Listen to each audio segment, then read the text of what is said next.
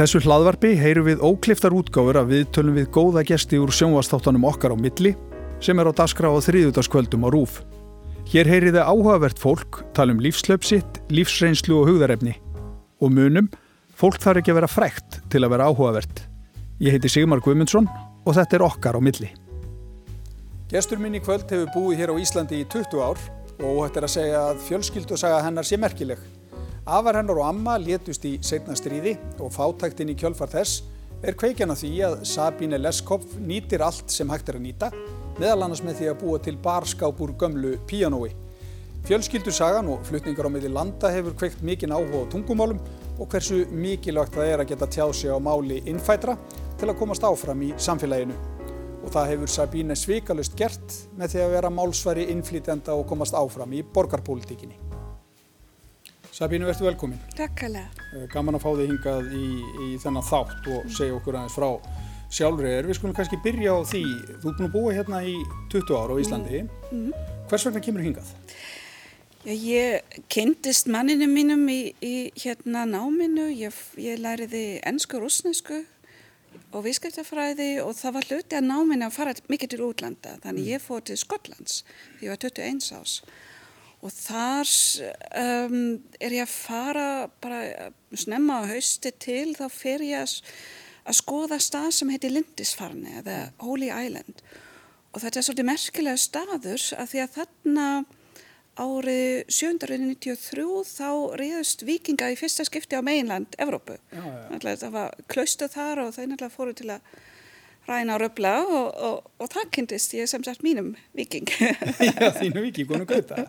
Já. Já, og hérna, e, þú ert bæðið með Íslandst og Þýst ríkisvangar ekki? Mm -hmm, það er rétt. Um, ég var að býða mjög lengi með þetta. Þýskaland leifir venjuleg ekki tvöfaldanda ríkisbökari. Það hefur kannski að gera með, með Tyrki sem búa í, í Þýsklandi þegar ég að taka ákvarðun. Annarkvárt ertu þjófari eða Tyrki. Já og hérna, Ísland hefur ekkert á mótið því. En að því að ég gift og náttúrulega eh, frá Evrópu þá átti ég svo sem öll réttindi hér. Þannig ég, ég fann ekki þörfin lengi og mér fannst það líka svolítið vond að skila inn vegabræðinu, það var svolítið hérna stort skref fyrir mig en, en svo náttúrulega kemur hrun og ég vinn í miðborginni þar í, í, í posthúsinu um, og Þannig ég er alveg í miðju þess, alls þess sem, er að gerast þarna og þá er ég allt í einu hugsa, hugsa byrju, ætla að vera hér, ætla að eiga heima hér, ætla að hafa áhrif. Að því að það eina sem ég átti ekki var kostningarætt til alþengis og það var bara sást að geta ekki kosið 2009. Þannig að þá ákveði ég að taka þetta skref og er ég vel tilbúin að gefa upp Þíska ríkisfangið og ég hugsa, ég hugsa einfallega ég menn sundabrauti skiptir mér meira máli en, en skattahækkanir í Þískalandi. Af hverju ætti ég að kjósa ríkistjórn yfir þetta fólk en ekki hér? Þannig að ég er öryglega eina mannskja sem sækjur um íslenskan ríkisbókar eftir 2009, byrjun 2009, það var ekki mikið, mikið áhugð þar. En, en svo kemst ég að því með stöðning frá, frá sendiráni hér að ég gætt sótt um undan þá. Þannig ég fekk að halda Þíska vegabrefinu og fekk svo íslensk og, og það var svolítið fyndið að, að þeim augnum ég man eftir þessu mómenti þegar ég held brefið í hendu þá, þá var það hægt að skipta máli. Já, það var þannig. Já, já. já. Ég þarf ekki að vera þjóðveri eða Íslandingur. Ég líti á mig svona sem kannski Íslandingur með meiru. Já, já, þú er búin að búa hérna í 20 ára áður en kannski við komum að því hvernig það var að flytjast hingað mm. og, og, og hvernig lífið hérna á Íslandi hefur verið, þá verður við svolítið að tala um fjölskyldusöguna mm. sem er náttúrulega svolítið merkileg og, mm. og þú varst að segja mér það að svona eh, svo manneskja sem þú ert í dag mm. hún, eins skringil og það nú er hún mm. kannski mótast pínlítið af stríðsárun Já, Nú er eiginlega að útskýra þetta og það tengistu þetta ömmuðinni svolítið mikið sem já, að kemur já. frá Tjekklandi Já, einmitt, það er eitthvað sem ég hef búin að hugsa svolítið mikið um, þannig er á þessum aldrei og fórættri mín er uh, mjög fullónið þau bæði á lífi en, en, en hérna ég fann fyrir nokkrum árum bók sem hétt Barnaböts þrýsins sem sagt mína kynslu, um mína kynslu við hefum alltaf talað um hvaða árið þessi ára átti á, á fólk sem lifði þá. Mm.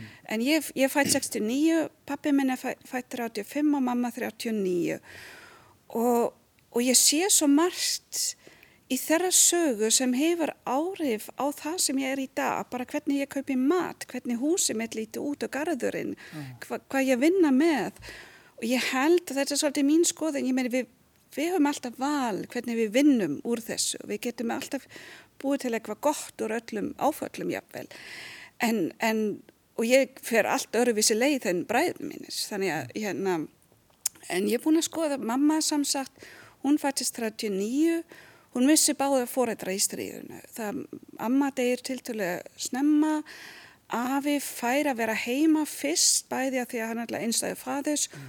og vinnu fyrir lestabrautafélagi. Þannig að hann er mjög mikilvægt í stríðinu, þannig að hann þarf ekki að fara í stríð fyrir enn 42.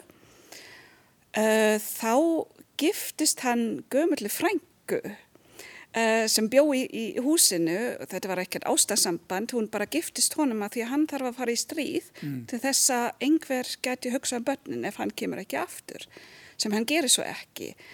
Og, og þetta var svolítið hennarsaga að hafa mist mömmu og pappa, vita, það, það var ekkert vitað mm -hmm. hva, hvernig hann, hann sendi síðasti brefið í mars 45 og svo aldrei er, er neitt meir um hann og komu strísfang, síðustu strísfangarnir komu 54 tilbaka þannig þau eru býða í nýja árs kannski kemur hann, kannski Já. kemur hann ekki mm.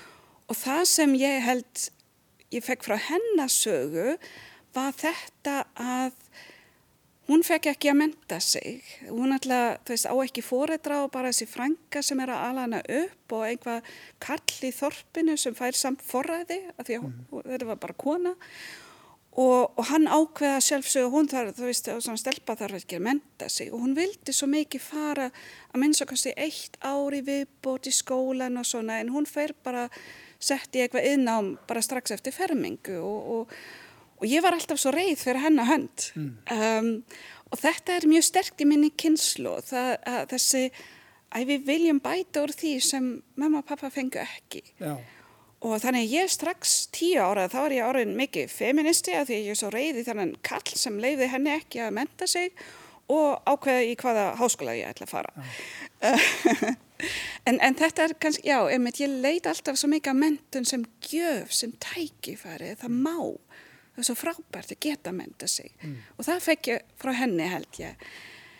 En pappi minn, hann átti öruvísi sögu, hann sem sett fættist 35 í, í það sem er Tjekkland í dag uh, Amma er tjekknesk afi þjóveri sem sett mm. tilherri þessi minniluta sútetin þjóverjum þar og, og hann fer líka í stríð uh, þeir sjá hann síðast 43 og svo heyra það ekkert meir um hann fyrir en bróði hans hittir að hann í, í fangabúðum í Kvítarúslandi árum eftir stríðslokk Mm. En svo kom hann ekki heldur aftur. En, en 45, þegar stríða búið og rossatni koma, þá fær amma bara val. Ok, þú er tjekknesk, þannig ef þú skilir við þennan kall, þá máttu vera, en ef ekki, þá ferðu bara eins og allir þjóðverið þarna á þeim slóðum. Mm -hmm. Prúsland, Póland, Rúsland, Tjekkland mm -hmm. og svona. Þannig, og hún alltaf er ennþá að vona að hann geti komið tilbaka, þannig að hún fer bara af stað með börnin sín þrjú og þeir fara fyrst til Austeríkis en svo þeim hendar út aftur og þeir, þeir koma þá til Þískalands 46 Já. Já.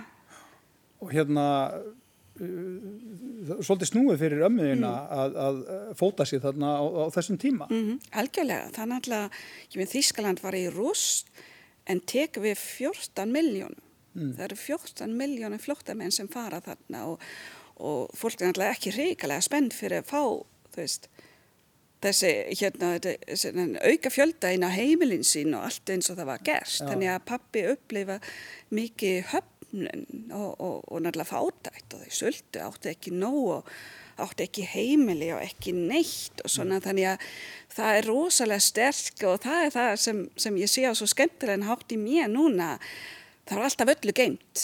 Það var aldrei hend neinu. Þú lifir þannig í dag, alveg, þú nýtir Algjörlega. allt sem hægt er að nýta. Algjörlega, þegar COVID skellur á þá er ég enga stund að vippa upp svona auka eldhús á efri hæðinu svona til öryggis af því að ég átti af sjálfsögða eldgamlan ískáp og eldgamla örbylgjuopn og, og, og svona og bara var komin með fullt af kössum með svona dósamat fyrir trjávikur, það var Já. bara minnstamál. Já, já, og þú hérna, þú gerir mikið af því að taka, að því nú erum við bara komin í það, þú gerir mikið af því að taka gamla hluti og búa til eitthvað nýtt úr því. Já, mér finnst það ótrúlega gefandi þannig að hérna ég verið í þessu ringrása haggjafri sem er svo skemmtilegt orð það, hérna, um, mjög lengi þannig að ég byrja strax að þess það sem ég er með því kringum blómabeður minn, það eru gömlu rúmin eða barnarúmin Já.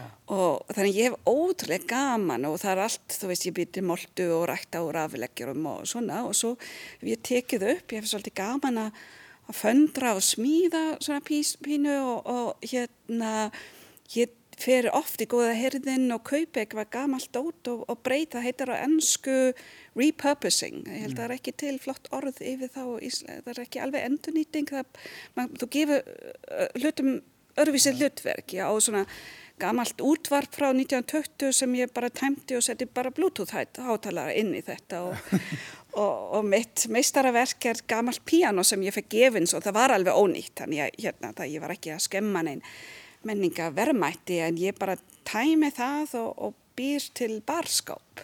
Býr til barskáp úr píanói. Já, úr píano. Það, það, það lítur út? það lítur alveg út eins og píano þegar það er lokað en þegar maður opnað þá er svona hérna, speill og svo eru flöskutna og bara allt inni þar.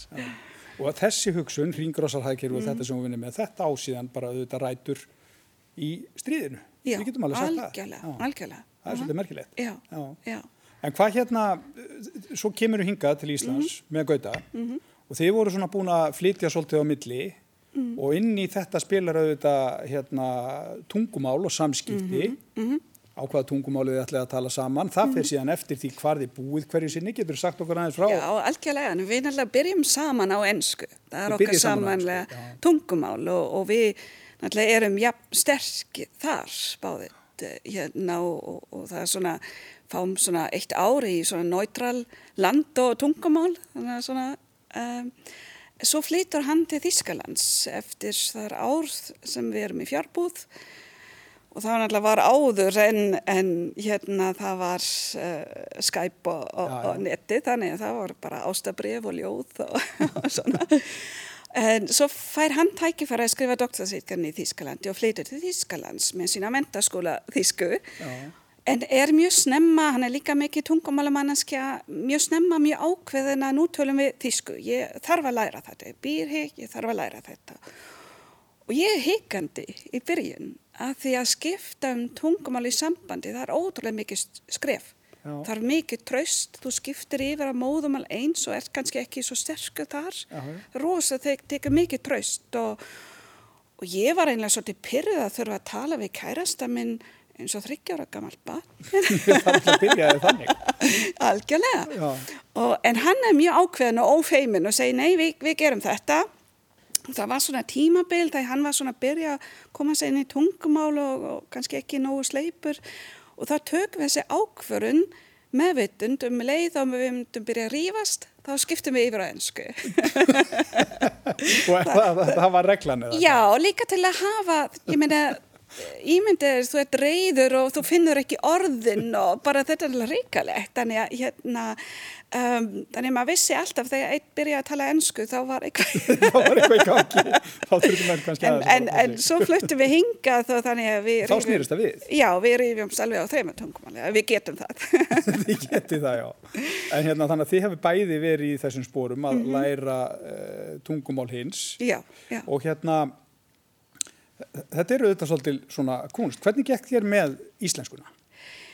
Ég var ótrúlega heppin. Ég er náttúrulega tungumálamanneski og mentuð í því. Ég lærið líka að kenna þýsku sem annar mál og, og ég er svo heppin. Elsta dóttir okkar fæðist í Þýskalandi og maður fjóra þegar við fluttum og við vorum alltaf mjög meðvötund um, um að ala börnum með tveima tungumálum að þetta væri svo mikið vægt og svo mikið gjöf og þannig ég handhala alltaf íslensku við hana og við reynum að steyðja íslenskuna með því að hafa alla spólur og svona allt barnaefni á íslensku. Þannig ég Ég læri bara íslensku með að hlusta að dýrin halsaskói þreysvara dag, þannig að maður vantar svolítið fullorins orða for að það er fleitt hingað, en, en grunnarinn var komin og ég náttúrulega læri aðeins úr, úr bókum svona pínulítið, en svo fleitt ég hingað og 2000, það var ekki svo mikið af, eh, af, af útlendingum þá, þannig að það er ekkert í bóði að detta í svona expat enskumælandi bublu þannig að sérstaklega tengdamamma hún bara gaf út þessu skipu nú er Sabine flytt hingað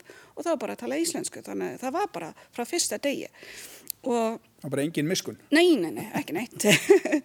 Og ég, þá er ég aftur heppin ég er sonur minn en ég fættur þá þannig ég er fyrst heima með tengdapappa sem var sjómapsíðjandi mikið tungumala manneskja líka og um, Þannig ég hef svolítið smá svona ró og næði til að þannig ég mæti alla mömmumotnar og, og allt sem er í búði og þegar ég byrja að leita starfi þá er ég afturheppin þannig að ég er ekki þessi innflytjandi sem þarf að byrja að skúra með, með háskólamendun sína. Ég er svona aðeins að senda einhverju tölvposta og fæ starf hjá össuri. Já. Ég vissi ekki eins og hvað þetta væri, flott fyrirtæki, ég bara, já, ég skal tjekka því. En, en össur er á þeim tíma að fara mikinn á markan í Evrópu og sé tækifæri í mér og í mínu hérna mentun og, og tungumánu kunnáttu.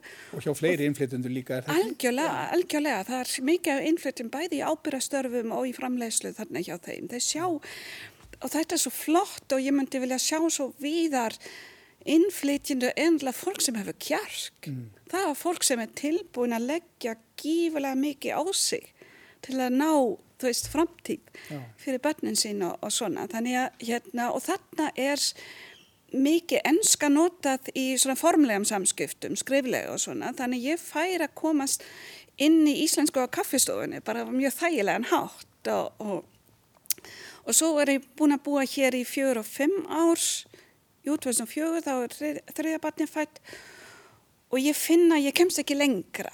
Ég, ég, ég tala, ég skil, ég les og horfa sjónvarpið en ég þóri valla að skrifa tölposta án þess að láta einhver lesa yfir. Ja. Þá er það líka kröfu svo mikið að þegar þú skrifar íslensku það þarf að vera allt 150% ja. og, og hérna og þá fer ég bara í skólan eins og börnin gera. Þannig ég er svona sex ára sem íslensku mælandi manneskja og, og fer bara í skólan, í háskólan og læri málfræði og, og allt hitt. Já, já, og svo kemur þetta bara smátt og smátt, en já. fyrstu árin, varst að eh, lýsa því fyrir mig, fyrstu árin eru svona, það er verið að tala við þig eins og bann og mm. þú ert bara konun að skauta. Já, sem ég finnst frábært að vera, það er ekkert að því, en, en, en, en hann saði þetta líka við mig, þú verður að skapa því að þetta eigið, ég, ég, einmitt, hérna, það var svo mikilvægt fyrir mig að, einmitt, að vera ekki bara konu hans gauta, heldur að finna minn eigin saumaklubb og koma þér svona smátt og smátt inn í já, samfélagið já. og þetta sem við erum að tala með tungumálinn, mm -hmm. svo við komum nú aftur líka upp að hennu, þetta, þetta þú hafði svolítið áhuga á tvítingi emitt út af ömmuðinni sem, já, a, sem, a, sem að hérna, var auðvitað tvíting líka? Já, eða ekki. Hún er náttúrulega tjekknesk og þarna á þeim tíma Þannig að bara tala eitthvað gröyti og fólk ekki mikið að pæla í þessu. Þannig hún er ekki formlega mentuð í þísku en, en þegar hún flyttu 45 til, þískumælandi landa þá bara tala hún bara þísku allt sitt líf. Þannig að hún deyra 89 og, og þannig að mjög lítið samband þá við gamla heimalandið og, og þetta voru svona mín fyrstu kynni af, af þessu málaflokki þegar ég er 17 ára þá fyrir ég til Prag í skólaferðala bara og, og ég fæ lána orðabók mm. hjá ömmu og svo gleymi ég að sjálfsög að skila bókinni og hún ringir í mig og segir, herri, viltu koma með bókina? Ég ætla að skrifa sýstu minni bref og ég bara, ha? Þetta er þitt móðumál. Af hverju þarftu orðabók til að skrifa sýstuðinni? Og þá er hún á þeim tíma það sem ég kalla halvtingt Þannig að, þú veist, þískan hennar var ekkert spes, hún, hún tala með mikið hreim og, mm. og, og málfræði, eh, málfræði ekki alveg svona eins og átt að vera, en samt er tekniskan búin að riðgast það mikið að hún þarf orðabók. Þannig talar ég ekki tungumálverð. Já, Já, og ég byrja að hugsa hver er þessi kona einlega? Þekki kannski ekki bara hluti af hennar því að hvað getur þú, hvernig getur þú tjáð þig sem manneskja, hvernig getur þú tjáð flokna hugsanir þegar þú erst ekki með neitt tungumál á hreinu? Og þetta er eitthvað sem ég hef svo unnið svo mikið hér í þessu. Ég menn, virktvítingi er geggja gjöf. Dóttir mín er flutt aftur til Þískalands núna og býr mm. þar í, í Berlín að lista maður þar. Svo, en, en ég hef líka sé, ég vann í, í Alþjóðhúsi á sínum mm. tíma, var þar í, í tólkamálum og það var svo dæmi sem, sem er með minnistætt. Það var, ég held, vietnamsku tólkur sem átti að fara aðstofa barni samræmdu prófum í tíundabekk í sæðfræði, bara svona hjálpa að skilja. Mm. Barni flyti til landsins kannski svona 12 ára og uh, ég náttúrulega fer ekki í smáatriða þessu svo trúnamál en, en ég var að menta tólka þannig við rættum svolítið um þetta út frá hugdakannotkun og, og þessi tólkur hann undirbýsi svona, þú náttúrulega kannski ekki með staðfræði hugdökun í tíundabekk svona alveg á hreinu þannig hann svo döglega og undirbýr sig og ég spyr hann eftir á hvernig gekk og svona og hann segir þetta var auðmulegt. Þetta barn alltaf skildi ekki neitt í þessum vietnamskum hugtökum mm. í stefræði. Þú veist þetta barn var ekki tvítingt, það var halvtingt og ég hugsaði svo mikið alltaf um þetta barn og ég hitti það aldrei en ég menn þú getur ekki farið í háskólan ef þú ert ekki með neitt tungumál á reynu virkilega. Já, já. Og þetta er þetta staða sem svona sömur er í. Já, algjörlega, einmitt. Já, já, en hérna, þú hefur líka svona verið að benda svolítið á það, einmitt, þegar að eh, fólk flytur hingað mm -hmm. að þá stundum látum við eins og það sé enginn fortið, að það er bara fæðist á keflaugflöðu. Þú notaður það orðalega við mig.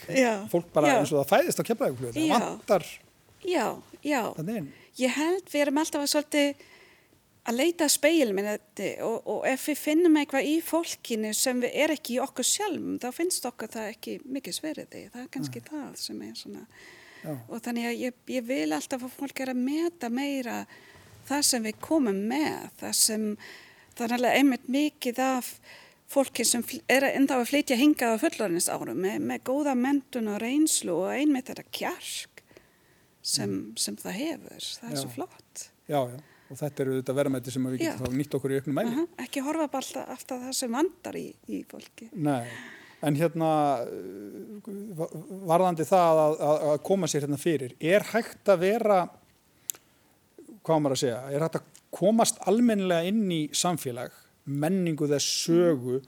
nútíman, öðruvísi heldur en að læra tungumálið? Nei, ég held ekki.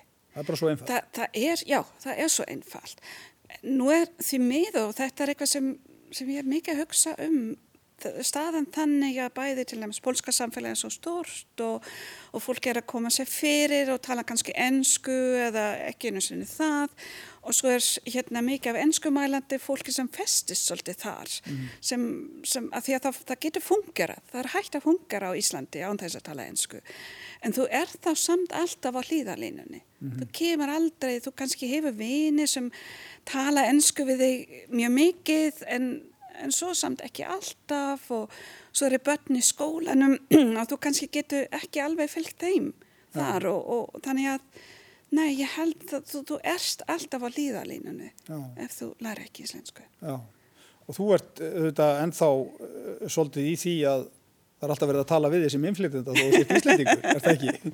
Já, ég er náttúrulega að gera það svolítið hérna þessu viðtali líka. Já, já, ég, ég er náttúrulega fer svolítið, ég fer í pólitíku á, á þeim fossendum svolítið og það er ekkit neikvægt við það. Það fólk saði já við viljum fá svolítið öruvísi rödd já. þannig ég fekk stöðning einmitt að fara þarna inn alveg að því að ég, ég hef öruvísi sín og, og fólki finnst það mikilvægt og það er alveg bara flott sem, sem, þessi staða sem við, við höfum á Íslandi að fólk vil fjö, fjölbreytni já Um, en jú, jú, ég finna alveg hérna, ég bæði lendi því að pólitíska anstæðinga svara mér með því að leiðra þetta málfræði hjá mér. Já. en það finnst mér bara að fyndi þá veit ég að þeim þetta er bara ekkert annað í hug. Nei, ég græði náttúrulega mörg aðkvæða á því. Og svo er stundum fólk að segja, tali kannski um eitthvað flóki málefni um, um, um, um áhættu vera byggja háspennulínur á vassvendasvæði og þá, þá stendur einhver upp og segir, vá hvað þú tala fína íslensku. Já, það var það. Þannig að hugsa bara, heyrði hann ekkert í því sem ég saði. Nei, hann var bara að taka eftir í hvernig, hvernig þú segir það á íslensku, frekar heldur en að hugsa um, hugsa um inntaki. Ertu mikið lendi í þessu? Nei, nei, nei, nei, alls ekki, alls ekki. Það er svona ekki mín reynsla á þessum stafsvettvangi, nei, nei, það er bara komið fram með að verðingu við mig. Já, já, já. En hérna, eh, eitt af því, mér fannst svo áhugavertir vorum að tala saman í gerð, eitt af því sem að hérna, þú nefndir að þú er svo mikið áhuga á dýrum, því að mm -hmm. þykir vætna um dýr heldur en örgulega mörgum öðrum mm -hmm. og hefur svona látið dýravend og velferð mm -hmm. svolítið til ín taka. Mhm. Það á síðan líka rætur hjá ömmuðinni sem að hérna mm -hmm. rakk gæludýrabúð í Þýskalandi. Það er alveg skemmtilegast að amma í heiminn. Hún, við fengum alltaf það sem við köllum útsölufurutnar, sem það dýr sem voru kannski ekki fullkomin, svona páfagöku með brotnum vangi, allt rasslið sem ekki hægt var að selja, það endaði hjá okkar. Já, svona skjálpökur með rispur á skilinu og eitthvað svona. Já, einmitt, einmitt. Og, og hérna, og þegar ég kem hingað, þá er allt öðruvísi menning og það er aftur, ég menn það, það sem við rættum um sem gildi fyrir mig að, að þú, veist, það, þú veist að það hefur árif sem gerist fyrir lungu, lungu án ég fættist, ég held að það er til svona ég veit ekki á það til hugtak sem heitir samfélagsminni mm. og íslenska samfélagsminni er að dýrin eigi að vera í sveit það er líka að á 19. öll þá er hérna söllveggi sem smeitast í gegnum hundar og þegar Íslingar flytja í borgin þá áttu, þú veist, þá vildu fólk vera bara fínt borgafólk og ekki lengur vera tengt sveitinni og, og hundum og, og svona, þannig að það er allt öruvísi viðhór hér. Og, og ég hef einmitt bæ, beitt mig svolítið fyrir að breyta þessu. Og ég held líka það er eins og aldrei fyrst núna í þessum COVID tíma að fólk hefur svo mikið þörf, ég held að það er algjör sprenging, það er uppselt kvolpar og, og kettlingar á Íslandi að því að fólk hefur svo mikið þörf. Já, gælitýrmáli eru held ég bara líðheilsumál Ef þú kíkir á bland.is það, það er svolítið eins og tinder fyrir hundar í makaleita hérna. Já, það er bara þannig. Já, já. En hérna þú tókst þið til eftir að hafa verið náttúrulega mikið í félagstörum hérna mm -hmm. á Íslandi? Þú ert náttúrulega uh, búin að koma mjög víða við í því skellir þér út í pólitík en þú mhm. nefndir það í einhverju viðtali sá ég að þér hefði þótt að svolítið erfið tilöksun og, og vond að fara í prófkjör. Eins og menn gera eins og menn gera gerna þegar þeir eru að fara í pólitík Ég var ótrúlega hrætt, já, já 2014 þegar ég fekk í fyrstast þegar það var Björk Vilhelmsdóttir sem ringdi mig og segið þú verður bara, þeir faru bara í, í, hérna á listan og, og faru í prófkjör og ég þóruði ekki.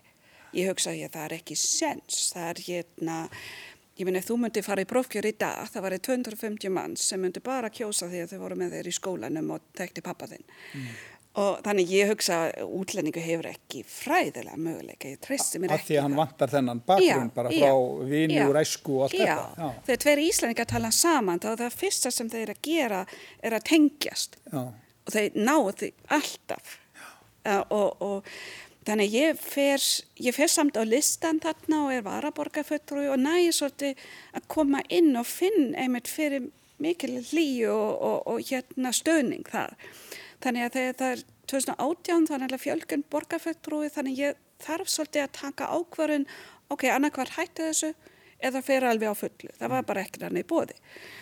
Og ég var mjög lengi ákvaðið mig. Ég, ég held ég skila inn, þú veist, uh, bara haldtíma fyrir en, en, en frestarinn laug. Ég var svo mikið að hugsa að ég gæti þetta ekki. Og hérna, en svo var ég svo heppin að eiga Guðrun Ömunds svolítið sem mentor og hún bara sparkar resilega í mig og sagði þú gerir þetta bara. Mm. og, og ég fekk ótrúlega stöðning það var svo frábæst og ég, ég fólk saði bara þú verður það, það, það vandar svona ratti þú mátt vera aðeins öðruvísi. Okkur finnst það bara gott. Þannig að hérna, það bara gekk vel. E, Föru við sjálfkrafa í það hlutverk að líta þig þá sem fulltrúa innflytenda? Og ertu sátt við það ef það er þannig? Já, pín, ég er svolítið að báðum áttum. Ég reyni að vera ekki alltaf þessi atvinnu útlendingur. og það er nefnilega svolítið líka aðal markmið einmitt að einhvern tíma þá þurfum við ekki lengur að tala um þessi mál, það þarf ekki. En, en ég sé samt svolítið hlutverki mitt líka í því að, að það, er, það eru ekki margi útlendingar sem eru sem sagt fólk sem tala ekki íslensku sem móðumál sem, sem eru svona í ofinberu störfum og, og, og hérna tjá sig og, og það þarf að vera eðlilegt. Fólk Já. þarf að hætta að hugsa um þetta mm. og þá getur ég kannski hætt. Já, ég sjá nú til þetta. Eitt af því sem að hérna byrtist okkur þegar við horfum á vettvangin þinn sem er borgastjóð mm. það er að það er alltaf hver höndun upp á mót annari Já. mikið rífist, rífist og stundu finnst þinn manni þetta nú vera mm. mm. en þú sagði mér að þú svona þér finnst þú svolítið skemmtilega að horfa á þetta hinum meginn frá og benda fólki á það þetta, þetta eru þetta ekki alltaf svona? Nei, nei, það er líka menn eru miklu meira vinir þarna heldur en að við sjáum í fjölmjölunum eða hvað? Já, já, það, það er hérna, það er náttúrulega líka átök og maður eh, kann vel við suma og, og ekki aðra, það er bara eðlilegt eins og alls en, en hérna sérstaklega til að þessi stýrihópu sem ég hef verið í þarna varandi í gælitýramál þetta er ekki flokkspolítik Það er mikið bara, í borgarpolítikinu sem er ekki endilega hægir Já, sveitastjórnamáli eru ekki oft svo hápolítist, þetta er skólamál og velferamál og við viljum öll gera það besta. Og einmitt sérstaklega þarna í þessum gælitýramál, þú veit annarkvart hundafólk eða hundamannski eða kattamannski en ekki þetta er ekki flokksbund þetta er ekki hægri vinstri Nei. Nei, þetta þarf ekki að vera þannig en hérna aðeins aftur að, að, að Þískalandi mm -hmm. e, einhvern tíma las ég það og það, það var svo sem hefur þetta vel þekkt að því að við vorum nú að tala um foreldræðina sem að fæðast kringum mhm. stríðið og allast upp á eftirstríðsárunum og, og þú nefndir áðan þetta með barnabört stríðsins mm -hmm upplifðir þú það þegar þú bjóst í Þískaland og jafnvel síðar að, að hérna að svona voru svolítið, áttu svolítið erfitt með söguna. Þið voru alltaf með syndir feðrana á, og forfeðrana á, á bakinu. Mm -hmm, Algjörlega. Hvernig var alast upp í því? Mín kynslu það hérna ég held við vorum ótrúlega rókafulli, ég var það. Svona sem unglingu þegar maður byrja svona, þegar maður kom inn í mentaskóla þá er alltaf þetta við þurfum að læra. Við mm. þurfum að þekkja söguna. Við berum ábyrð, svona maður aldrei gerast aftur. Og það er okkar ábyrð og við vorum svo rókafulli gagvat fórætturum okkar líka, ég minn fórætturum við vorum börn, en við vorum svona, æ þetta var, þið áttu þetta bara skilið. Allt sem kom fyrir ykkur. Það var virkilega svona og þessi, það, það mátti ekki vera mjög greimt eh, hérna, og, og maður mað var svona, þetta var eh, svona hugsunaháttur kannski eins og svona vogaskálar eins og ef við værum að tala um þjáningar þeirra. Þá værum við að gera lítur og hínu sem mann alltaf vildi alls ekki gera. Mm. og, og við höfðum á þeim tíma engan á að hlusta á þessar sögur. Það, því að okkur fannst þetta allt sem gerist svona vond. Þannig við vildum ekki, það, okkur fannst þetta svo næstu lítið valið hérna, og, og það var mjög sterkt einmitt þessi ábyrra tilfinning uh, Jú, sektakenn nánast, það mátti ekki vera, þegar ég var ung, það, það mátti ekki vera gaman að vera þjóðveri. Þannig við vorum ekki með þetta saglösa 17. júni tilfinningu og stemmingu, það var ekki Nei. til, það breytist ekki fyrir nýlega held ég. Þannig að menn voru hvorki að hampa þjóðverðinu inn á við nýja út á við, nei, í raun og veru, var það bara þannig? Nei, alls ekki, alls ekki. Það eru þetta svolítið, svolítið sérstæð. Já. Já. En við vorum líka aðeins að tala um hérna að því við erum að tala um COVID og mm -hmm. nú höfum við verið að tala eins um svona afleðingar af stríðsárunum og allt þetta. Mm. okkar kynnslóhun hefur nú kannski aðeins betra heldur en við tölum stundum um.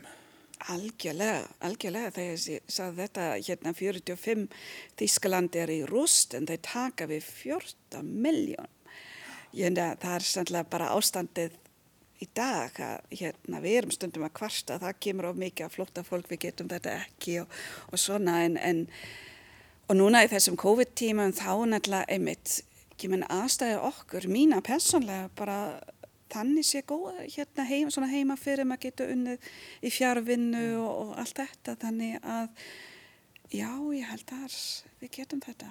Já, já. nákvæmlega. Og hérna, e, hvernig séu þú framtíðina fyrir þér? Þú ætlar að vera áfram í pólitíka eða hvað? Já, ég sé bara til. Mér finnst gaman að því. Þetta Já. er, maður getur virkilega sveitastjórn á pólitík, maður getur virkilega breytt einhver sem, sem stendur fólki nær. Það er svo gefandi. Um, og mér finnst kannski ekki að fólk eins og ég, bæði sem innflytjandi og sem kona á mínum aldrei, maður ætti ekki að hætta strax þegar maður er loksins búin að læra á þess. en svo sé maður bara til. Sjö. þannig er líka það sem maður kann sem innflytjandi. Maður bara tekur, maður grýpur tækifærin sem, sem koma.